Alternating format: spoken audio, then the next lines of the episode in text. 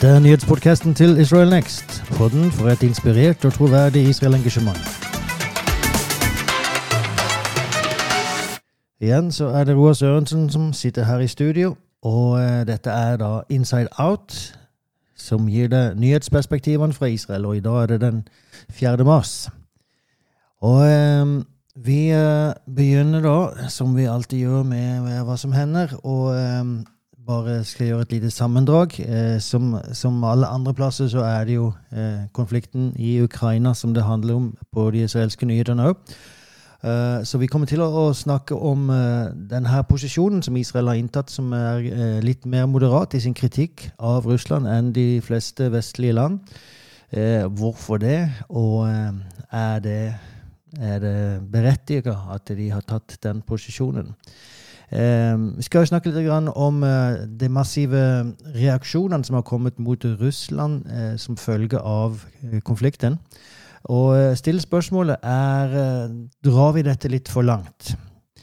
deretter så bare noen få ord om hva som skjer i Israel, det politiske miljøet der. Ikke så mye å snakke om, egentlig, men det, det, ville det vært om ikke det hadde vært for at det altoverskyggende er, er det som skjer i Ukraina.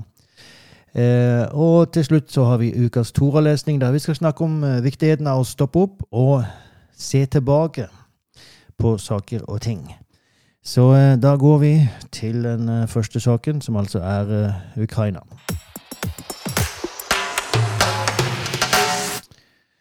Eh, Israel har et dilemma når det gjelder eh, denne konflikten, og de fleste kjenner nok veldig godt til det.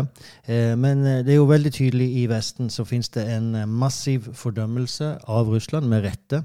Det er, det, er altså hele, hele, vestverden står jo, kan du si, imot Russland, og i denne FN-resolusjonen som kom fra generalforsamlinga, så var det altså 141 nasjoner som stemte for fordømmelse av Russlands invasjon i Ukraina, og Israel var en av de.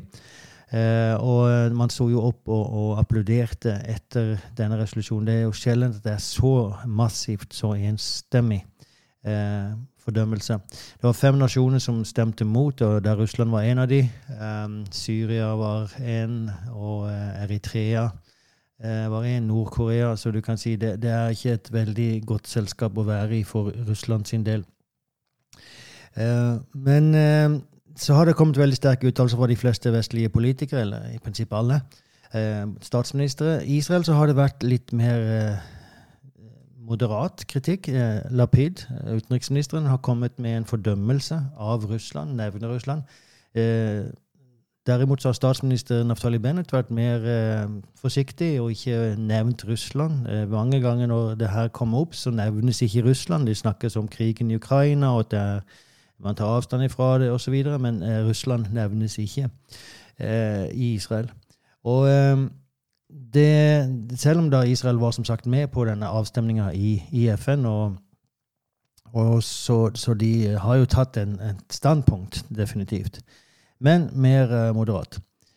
Eh, I tillegg så har Israel sagt at de, de kommer ikke til å sende våpen til Ukraina. De har sendt masse humanitær hjelp. Tre eh, flylaster med, med humanitært uh, utstyr og mat osv. Eh, de har sendt eh, og sender hele tiden altså team av leger og sykesøstre, og nå står de klare til å sende et feltsykehus.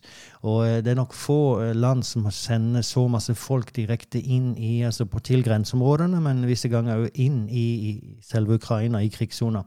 Det finnes masse israelske organisasjoner som reiser inn, sender sine arbeidere inn for å hjelpe til med å, å bekjempe nøden inne i selve Ukraina. og Der, eh, der fins jo altså frivillige organisasjoner som Chabad, eh, religiøs eh, jødisk organisasjon som fins over hele verden. De er jo store på dette her, og, og virkelig i sånne tider som det her, så må man jo si at det, står respekt av det arbeidet som de driver. Eh, de har oppretta en eh, egen jødisk landsby utenfor Kiev eh, som heter Anatevka. de har tatt navnet fra denne filmen 'Spillmann på taket'. Eh, men der de da tar hånd om og, og eh, ja, gir ly til en masse, masse folk. Så eh, det er det er ganske stor aktivitet eh, fra israeleres side i denne konflikten på det humanitære området. Òg i Israel så har man jo begynt å ta imot skal komme tilbake til det flyktninger eller, eller ja, jødiske immigranter da, som vil gjøre aliyah. Og der man da samler inn mat og klær for de i Israel. Så på den sida så er, er Israel eh, store, det er de alltid når det gjelder kriser rundt omkring i verden. Så på det humanitære, eh, altså legeområdet, så er de veldig store. Men eh, nå eh, så, så, har jo da samtidig eh, Israel Statsminister Israel Bennett snakka med både Putin og Zelenskyj, altså president i Russland, president i Ukraina og uh, har eh, kontakt med begge to. Altså Israel er i stand til å, å, å snakke med begge to. Uh, har hatt gode relasjoner med Russland de siste åra, uh, selv om det har vært spent, og til tider er spent den, i den relasjonen. Eh, men spesielt under Netanyahu var jo de forholdene veldig bra, og de har vært bra under, under Bennett òg. Eh, og i tillegg til med Zelenskyj og Ukraina så har det vært gode relasjoner. Og det faktum at uh, Zelenskyj da er jøde, det har vel kanskje hjulpet på det. Det skal jeg ikke si sikkert, men det, det er i hvert fall en faktor. Eh, så eh, det har jo òg vært eh, en sak som har pågått, der Bennett har hatt disse samtalene med begge sider. Man har ikke sagt mye om hva som har kommet ut av disse samtalene, og det er ganske naturlig hvis det er en form for forhandlinger som pågår, så vil man jo ikke at det skal slippe ut før det er avgjort, så å si. Men internt i Israel så finnes det en stor kritikk mot Israels moderate kritikk av Russland. Eh, det finnes store demonstrasjoner i, uh, i internt i landet, og spesielt så er det jo blant uh, tidligere immigranter fra disse områdene, fra, altså russisktalende immigranter, ukrainsktalende immigranter. Men det er jo vanlige som skal si, israelere som er, som er, født i landet. så det er en stor kritikk mot regjeringas mangel på, på, kritikk av Russland. så og, og, spesielt i media så tas det her opp hele tida. Når man lytter til israelsk eh, radio, ser på TV osv., så, videre, så er det et stort tema, dette her. Zelenskyj eh, gjorde òg et eh, poeng av at eh, ved Vestmuren så eh, ble det tatt et bilde av en eh, gruppe med jødiske menn som sto og ba, og hadde da kledd seg i det ukrainske flagget. Eh, og han ble veldig rørt av å se dette her, eh, men han kom da med en kritikk og sa det at når jeg snakker med den israelske statsministeren, så virker det ikke som han har kledd seg i vårt flagg. Så det var jo en ganske snill kritikk, men det var likevel en form for kritikk mot uh, Naftali Bennett og, og Israels milde fordømmelse av Russland. Hva er så årsakene til det her? Det kjenner sikkert mange veldig, til, veldig godt til. Det, det, hovedårsaken er Israels sikkerhetssituasjon. Og det er spesielt det, det som skjer i Syria, der uh, Iran holder på hele tida å forsøke å uh, få et større fotfeste, bygge militærbaser, støtte opp om Hizbollah, terrororganisasjonen, og, og, andre terrororganisasjoner, og forsøke å skape en front mot Israel i Syria. Uh, Assad, som da er president i Syria, er jo eh, med på dette, selv om han ikke kanskje liker det, fordi det, det gir jo Iran veldig stor innflytelse i landet. Eh, så det er nok en dobbel eh, situasjon for hans del. Men det pågår, og, og derfor så angriper jo Israel mål i Syria med jevne mellomrom. Et, Russland har jo et stort militært nærvær i, i Syria eh, militærbaser i eh, Latakia ute ved Middelhavet. Eh, men de har veldig sterke interesser i landet. Og de har eh, muligheter til å skape store problemer for Israel eh, dersom de skulle bestemme seg for å lage problemer for Israels angrep i Syria. Blant annet da, så finnes disse anti- luftvern, eller disse luftvernsystemet som de har, S400, altså S300, S400, S500. Det er russiske luftvernsystemer som skyter ned eh, både raketter, missiler og fly. Eh, egentlig alle trusler som kommer via lufta, kan dette her systemet skyte ned. Det er ekstremt avansert. Eh, sies å være, S500 sies å være det beste luftvernsystemet i verden. og kan skyte ned trusler med opptil 50 mil borte. Så det er jo det er ganske imponerende. Og hvis dette blir utplassert og blir aktivert i Syria, så vil det skape problemer for israelske operasjoner der. Eh, og Det er jo noe Israel forsøker å unnvike, og det er en hovedårsak til at eh, man har vært mildere i kritikken. Eh, I tillegg så har man denne saken at det fins jøde, store jødiske samfunn i både Ukraina og i Russland. I Ukraina så snakkes det om 300 000-400 000 jøder som bor i landet, altså som er ukrainere. Eh, men altså er jødiske ukrainere. Og i tillegg så finnes det titalls tusen uh, israelske jøder altså som med ukrainsk opphav, men som har gjort alia, og så har flytta tilbake igjen. Eh, en vanlig dag så finnes det mer enn 10 000 av eh, altså israelere da, med israelsk statsborgerskap i Ukraina. Nå har jo mange av de eh, flykta derifra, eh, så det er nok ikke så mange igjen.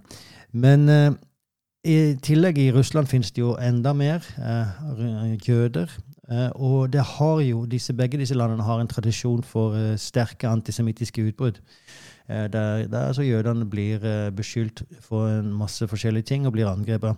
Og hvis Israel skulle ta en veldig sterk posisjon da mot Russland, så skulle det kunne Eller om de skulle i verste fall ta en annen posisjon eh, for Russland, men det, det, er ikke aktuelt.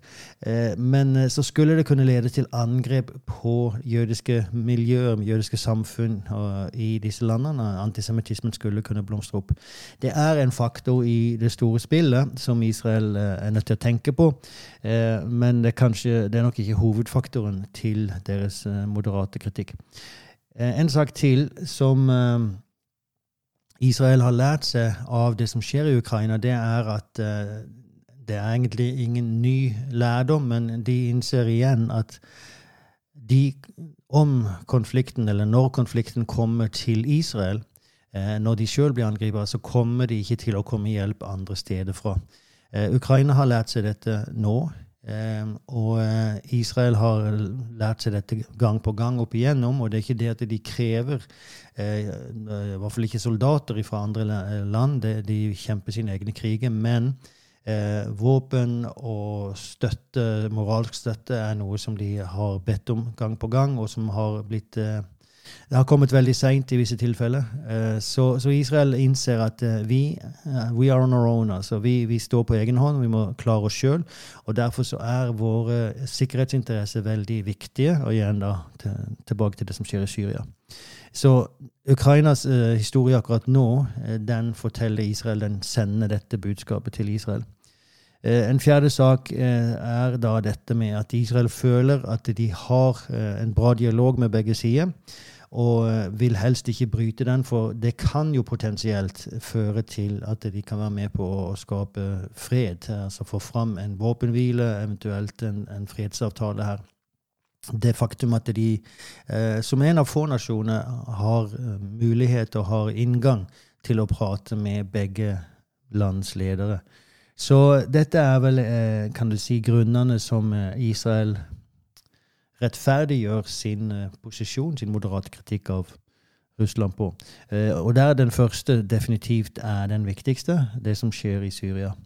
Og da kan man jo spørre seg er, er det her eh, tilfredsstillende, er det, er det berettiget, basert på disse årsakene som jeg nevnte, at Israel ikke tar en tydelig posisjon her. For det er jo tydelig at folket vil at de skal ta en tydelig, tydeligere posisjon. Eh, det, det, moralske, altså rettferdigheten, ligger eh, hos Ukraina. Det synes eh, majoriteten av israelere. Så er det berettiget med tanke på dette. Og der så er det jo vanskelig å, å sitte her og synes noen ting om det. man kan forstå argumentene, hvor, altså man kan forstå kritikken mot Israel. Eh, man kan forstå spesielt argumentene her om sikkerhet osv. Men um, det, det, er en problematisk sak, og personlig skulle jeg ønske å se at Israel hadde tatt en sterkere posisjon eh, mot Russland, eh, vært tydeligere i sin kritikk. Eh, men eh, de er der de er, og det er en, som sagt, en ganske unik situasjon i forhold til alle andre land. Eh, så har Israel flere aspekter som de må da trekke inn i sitt regnestykke. Så vi fortsetter å gå videre fra det. Snakker da litt om Alia, eh, for eh, altså immigrasjon av jøder. Eh, som sagt så finnes det 300 000, mellom 300 og 400 000 jøder i, i Russland. Og det er jo alltid så, dessverre, at når sånne saker som dette her skjer, så øker immigrasjonen. Altså, det, det, er jo bra eh, med tanke på For Israels del så er det bra osv. Det er bra at det fins en plass som disse kan dra til, men det er synd at det er en krig som ofte må til. Eh, det Israel forbereder seg på nå, det er å ta imot tusenvis av eh, immigranter fra Ukraina.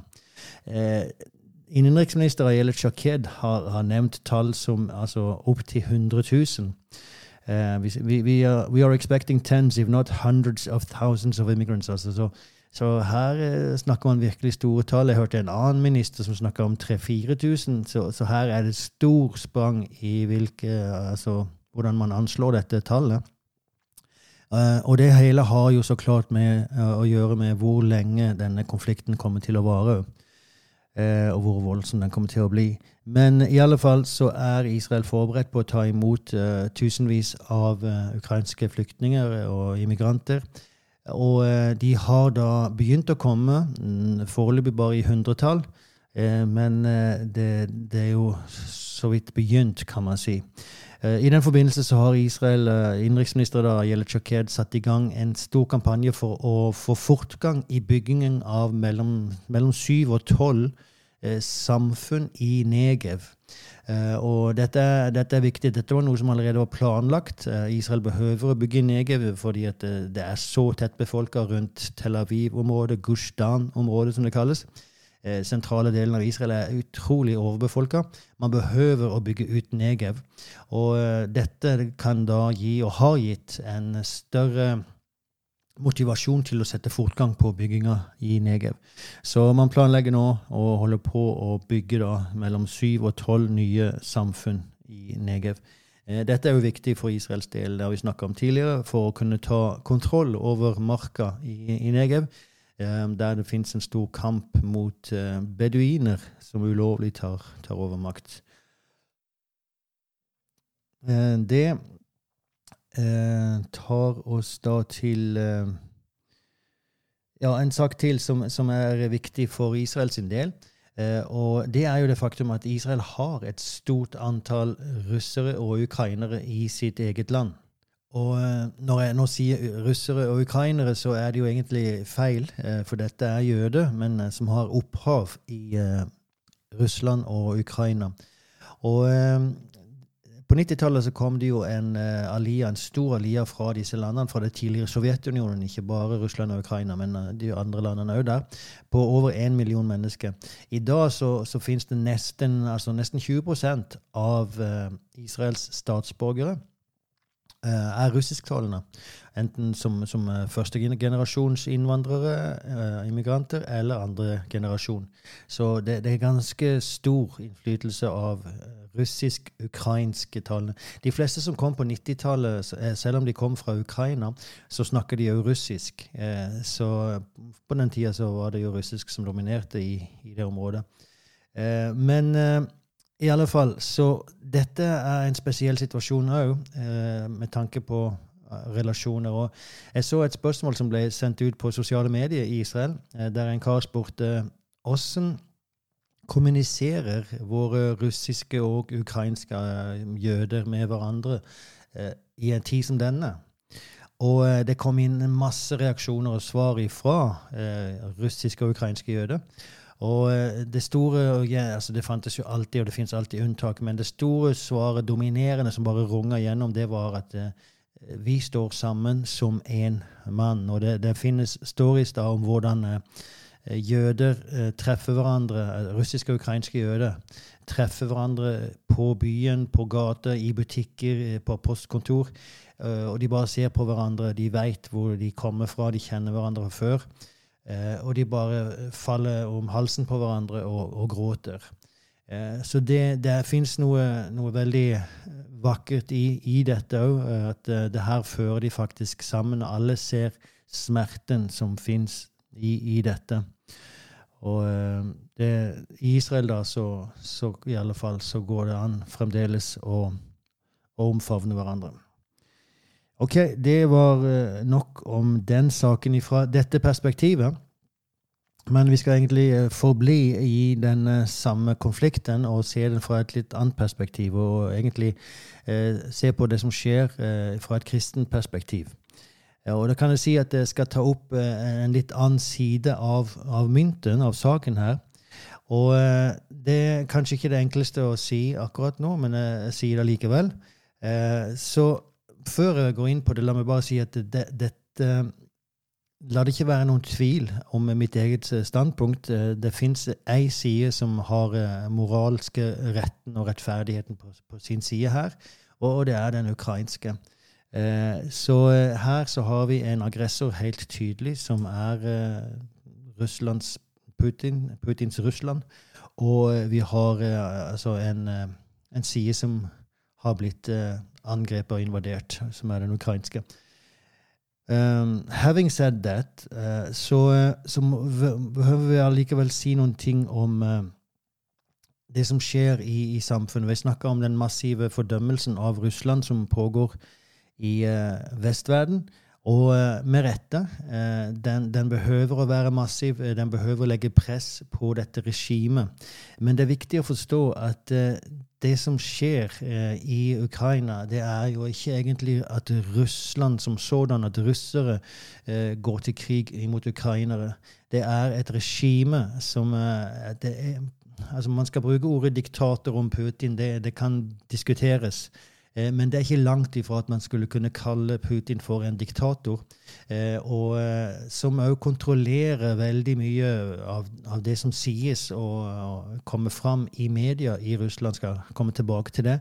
Men det faktum at han har sittet ved makten i 20 år, det sier noen ting om hans metoder, som er diktatoriske òg i forhold til valg osv. Eh, der andre stemmer blir tysta ned og til og med tatt livet av. Så, så, vi snakker om et regime her som har valgt en vei som ikke nødvendigvis folket står for. Eh, og jeg må si at jeg er så, såpass uh, heldig, om jeg skal kunne si det sånn, at jeg kjenner og har venner både i Ukraina og i Russland. Og jeg har vært i kontakt med de denne siste tida, siste uka.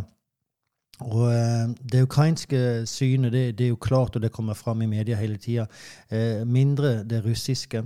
Men i alle fall de som jeg har vært i kontakt med i, uh, av russere, da, de er fullstendig imot denne krigen. Tar fullstendig avstand for det. De ser på Putin eh, ikke, ikke, noe mildere enn det vi ser på han her i, i Vesten. Eh, og eh, dette viser seg jo gjennom eh, disse store demonstrasjonene som har funnet sted på mange gater og i byer i Russland. Der hundretalls, og nå er det oppe i tusentalls, har blitt arrestert for å gå ut og protestere mot krigen. Man, man sier ikke annet enn at vi er mot krig, så er, så er, det faktisk nok til at man kan bli satt i fengsel. Og straffen for dette er fra 3 til 15 år. 15 år hvis du er med å arrangere det og, tre år minimum hvis du er med på det. Det, altså, folk som går ut for å demonstrere, de risikerer jo virkelig mye. Man kan jo bare tenke seg hvor mange som sympatiserer med de, men som ikke våger å gå ut på gata. Så jeg, jeg, jeg har jo så klart ikke noen sifre på det her, men det virker som at den store majoriteten av russere er fullstendig imot denne krigen. Det er et regime som har satt i gang den. Eh, så tilbake til det som har med fordømmelsen. Det, det, er viktig at Nato og Vesten står sammen. Og på det militære området, på det politiske området, at det fins eh, økonomiske sanksjoner. Eh, at det fins en enhet som gjør at det fins en styrke, som gjør at det blir et press på dette regimet. Men behøver vi virkelig å boikotte russiske fiolinister? Behøver vi å boikotte russiske symfoniorkestre? Eh, behøver vi å boikotte russiske tennisspillere? Eh, russiske forfattere? Behøver vi å ta bøkene ut av bokhyllene i, eh, i, butikkene våre, i bokbutikkene våre? Eh, behøver vi å nekte russiske barn fra å delta i, i fotballturnering her eh, til sommeren? Eh, er det rett at organisasjoner som Ikea og Apple sier at nå skal vi slutte å selge i, i, uh, i Russland. Uh, altså der, der, så kommer jo et annet aspekt inn i bildet òg, men alt dette her, altså det, det, har gått for langt. Og uh, jeg føler jo nesten at det, at det, har gått for langt. for hva er resultatet av, av en sånn oppførsel? Er ikke det å fortelle det russiske folket at deres president, Putin, han har rett. Vesten er faktisk russofobisk. Det er det som er Putins påstand, at, at, Vesten er fullt av frykt for Russland. Eh, og eh, det her behøver vi å, å stå imot. Eh, ved, å, å, ved, å, handle på den måten som Vesten gjør nå, når vi snakker altså om boikotte individuelle personer og mennesker, da, da, sender vi jo faktisk det budskapet. Jeg kan veldig godt forstå at man kan boikotte landslaget Russland, altså saker som representerer Russland som sådan. Eh, om vi snakker om Melodi Grand Prix, Eurovision, da er det Russland som er representert. og Der, der kan man forstå eh, at man kan eh, En boikott, for da er det som sagt Russland. Men der det er individer, der det er klubblag osv. Eh, som eh, deltar, så syns jeg det blir vanskelig å forsvare. Eh, og som sagt så er det nesten å spille rett i hendene på Putin, som, som sier at det fins en fobi mot russere i Vesten. Det vi gjør, det er jo faktisk at vi isolerer russere fra Vesten. Og på den måten så forhindrer vi møter mellom russere og folk i Vesten som kan rive ned murer oss imellom. For det er som sagt når vi, som kjent når vi treffer hverandre, at disse murene faller. Eh, vi hjelper i stedet for til med å bygge opp under negative stereotyper. Disse negative stereotyper som, som noen av oss eh, som er gamle nok, kjenner igjen fra den kalde krigen. Og, og disse bygges opp fra begge sider når vi ikke treffer hverandre. Eh, så i prinsipp så opprettholder vi konflikten. Vi forlenger konflikten. Vi former den. Vi setter den faktisk ned i en stålform ved å se til at det ikke fins noen kontakt mellom oss og Russland. Eh, på en måte så lar vi da Putin vinne. Så eh, som sagt, det store flertallet av russere er imot denne krigen. Eh, sånn som jeg forstår det. Som sagt, jeg har ikke tallene på det her, men sånn virker det. Vi, eh, det jeg, jeg, tror at denne her eh, kritikken som kommer nå i det siste mot Russland, og det er massive der det går ned på detaljnivå, det er reflekterer en tilstand som vestverden spesielt de siste årene har gått inn i, eh, og der vi forsøker hele tida på å lete etter feil hos andre. Eh, og lete etter feil for å fordømme, men ikke bare fordømme, men virkelig liksom utrydde ondskapen, sånn som vi da definerer det, eh, fra vårt samfunn. Og dette har gått så langt at vi har skapt hatkulturer Eh, og som, som, gjør at når vi tar et oppgjør med det som vi sjøl har definert som ondskap, eh, så, så, så, går vi så, så langt at, eh, at vi, vi, tror vi er moralske mens vi hater. I visse tilfeller så, så finnes det store demonstrasjoner, gatedemonstrasjoner, tog som ødelegger eiendom, og til og med går løs på mennesket i sin rettferdighet, så å si. Eh, og vi kjenner igjen dette her, eh, om vi kjenner det som woke-demonstrasjoner, eh, eller om vi kjenner det som cancel culture. Eller om vi kjenner det fra den andre sida som, som, såkalt patriotisme. Men det er din, den nidkjærheten som for den saken man står for, og den rene ideologien som man er ute etter, om man skal si det sånn, det blir det store målet, og eh, resultatet er at det blir hatefulle reaksjoner mot andre. Eh, når vi oppfører oss på den måten, så, så, glemmer vi at hver gang vi peker på andre, så er det jo faktisk tre fingre som peker imot oss sjøl.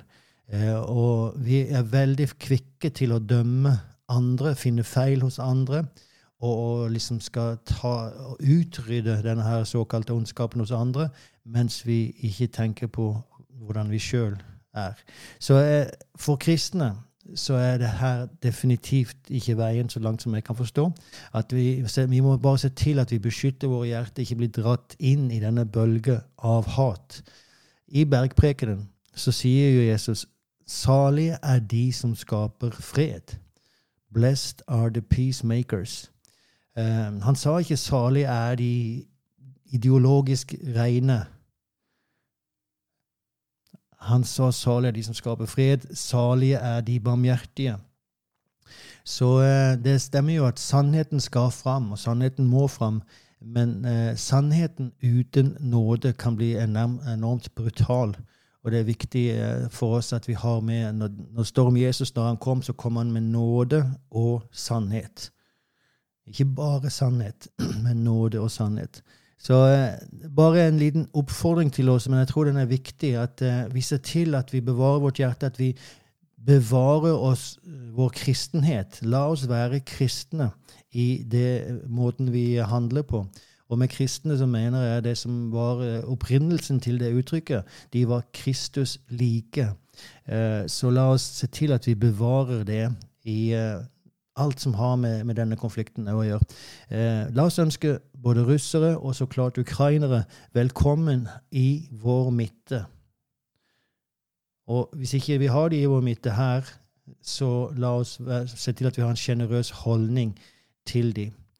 Eh, og dette da uten å kompromisse på sannheten som har med regimet, det russiske regimet, Putin sin eh, lederstil, eller ja, Putin som sådan, eh, det går det veldig klart å ta en tydelig og fordømme tydelig. Men la oss se til at vi ikke da havner inn i en hatskultur. Vi har råd til å være rause, for vi har sjøl blitt utvist en enorm raushet.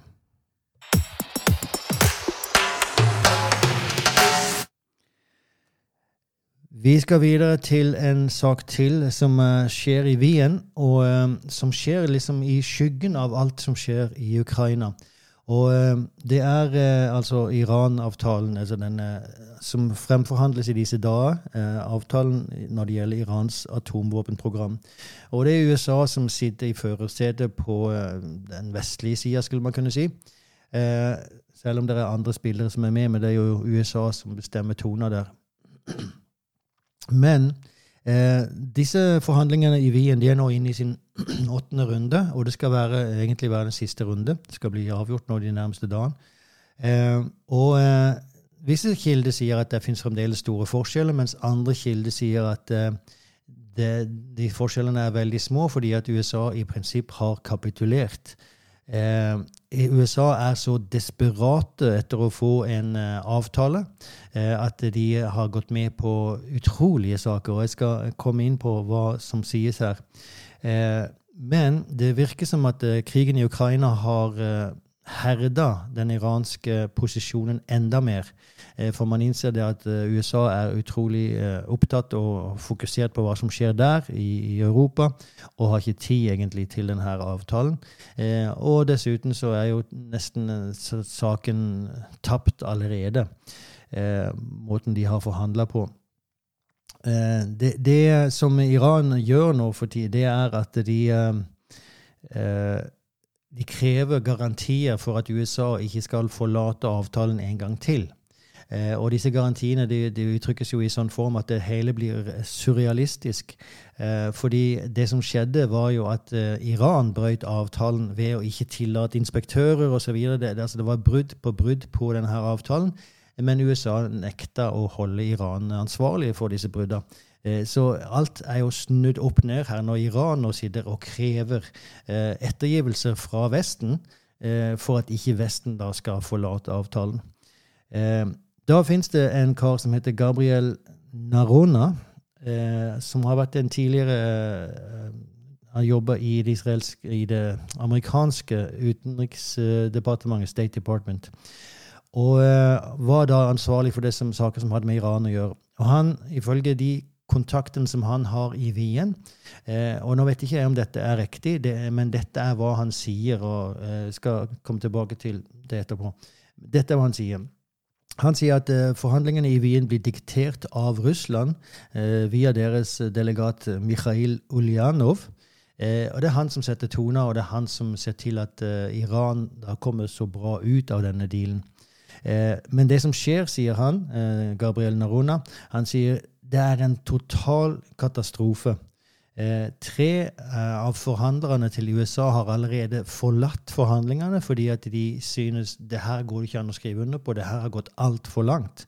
Så man forlater selve forhandlingene, nekter å være med på dette her. Eh, han sier i tillegg at denne avtalen som nå blir framforhandla, er farlig for USAs sikkerhet og for hele Vestens sikkerhet. Han sier at den er ulovlig fordi at det man går med på, det er å oppheve sanksjoner som man egentlig ikke har lov til å oppheve uten at visse prosedyrer gjennomføres først i USA. Eh, men så ifølge han da, så er den til og med ulovlig.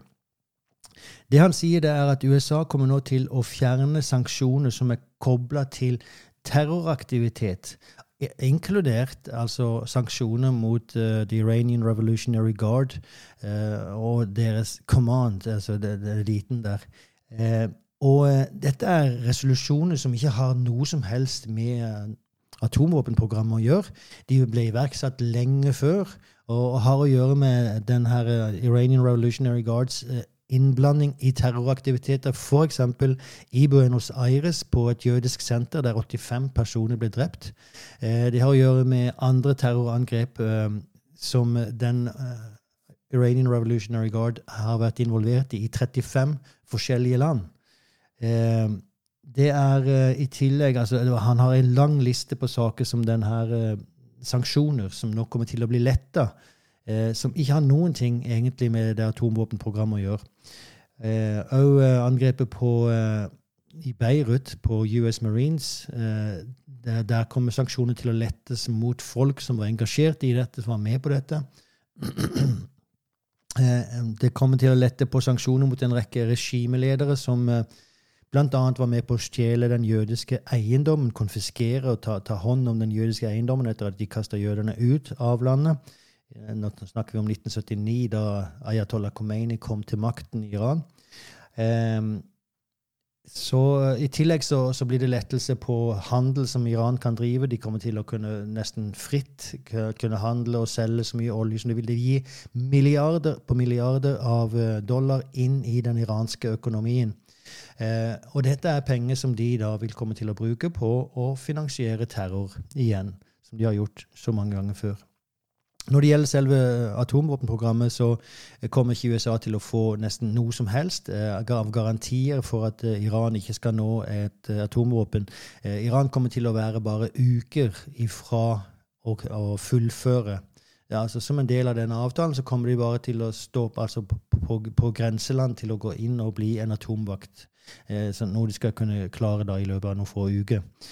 Så eh, Melanie Phillips, eh, som er en britisk kommentator, hun sier følgende at hvis dette er riktig, altså dette som Gabriel Naroni sier Hvis dette er riktig, så blir det i dekket av Ukraina-krisen utført en handling av forræderi av Biden-administrasjonen mot Amerika og Vesten for å styrke det iranske regimet. Et regime som er en fiende av sivilisasjonen, og som har vært i krig mot Amerika, Israel og Vesten siden de kom til makten i 1979. Så altså, hvis Gabriel Naroni har rett, så, så blir det utført en, en, handling av forræderi mot Vesten. Eh, det er så langt som, eh, som hun vil beskrive dette her. Israel har jo sagt at uh, de kommer uansett ikke til å være bundet av en sånn avtale som underskrives, uh, og at de kommer da til å måtte handle på egen hånd hvis de blir nødt. Uh, så finnes det en stor diskusjon både utenfor og i Israel om Israel er i stand til å fikse dette på egen hånd, men det er en annen diskusjon.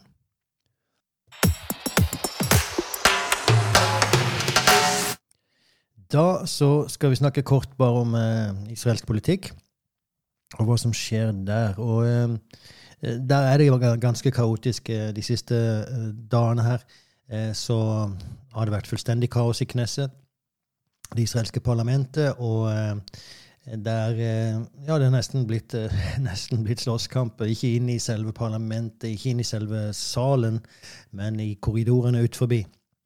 Så det, det, er ganske tøffe forhold. Og det er jo altså mellom koalisjon og opposisjon, men òg iblant uh, internt i koalisjonen. Sånn at uh, disiplinen internt i regjeringskoalisjonen er ikke så sterk som den var til å begynne med, og det hender ganske ofte nå at uh, ulike partier stemmer mot sin egen koalisjon. Noe som gjør da at opposisjonen vinner seire i visse avstemninger.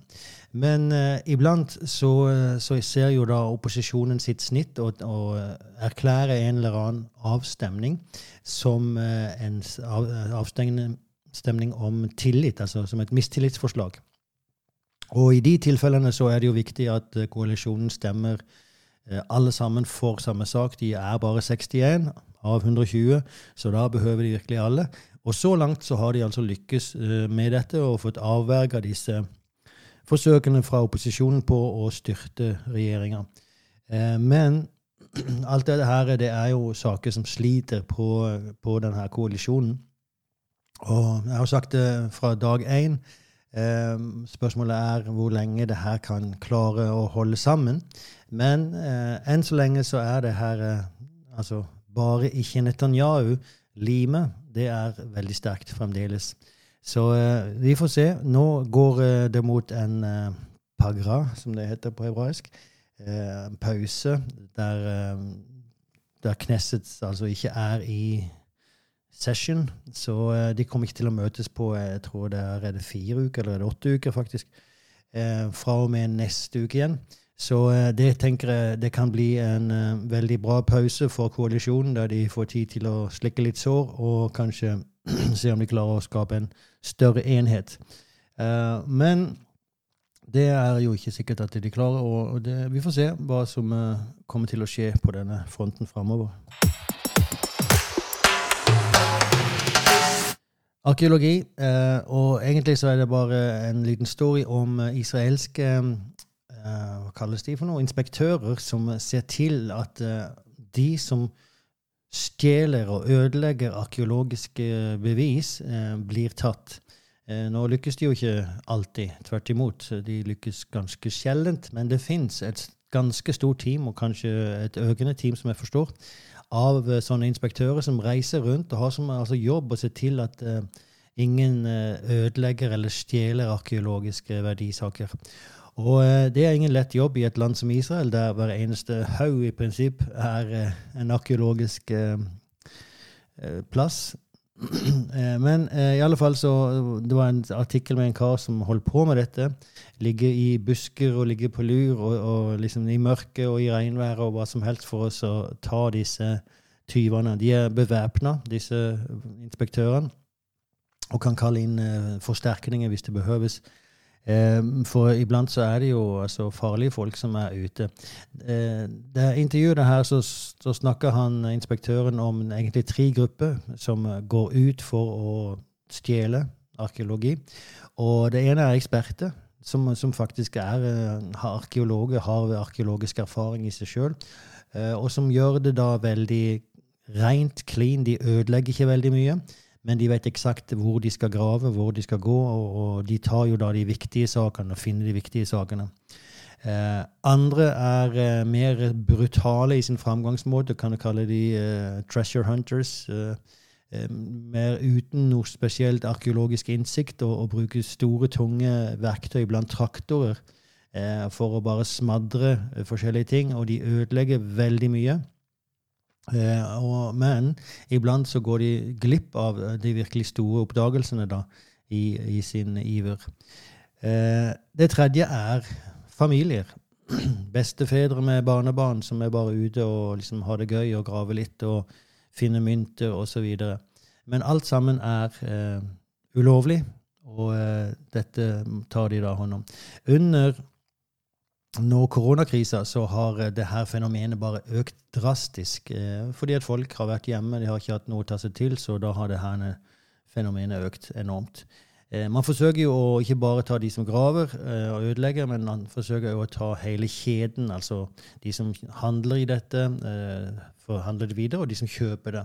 Så det er en stor, stor operasjon, og det behøves virkelig. Og da har jeg ikke engang nevnt det som skjer i Judea og Samaria, der eh, det her pågår i stor stil, og der Israel har mindre kapasitet til å ta hånd om det, og mindre, mindre evne til å eh, ja, ta, ta, inn disse her forbryterne. Der er de jo ofte terrorister, så de er jo væpna sjøl. Så det er en mye farligere sak.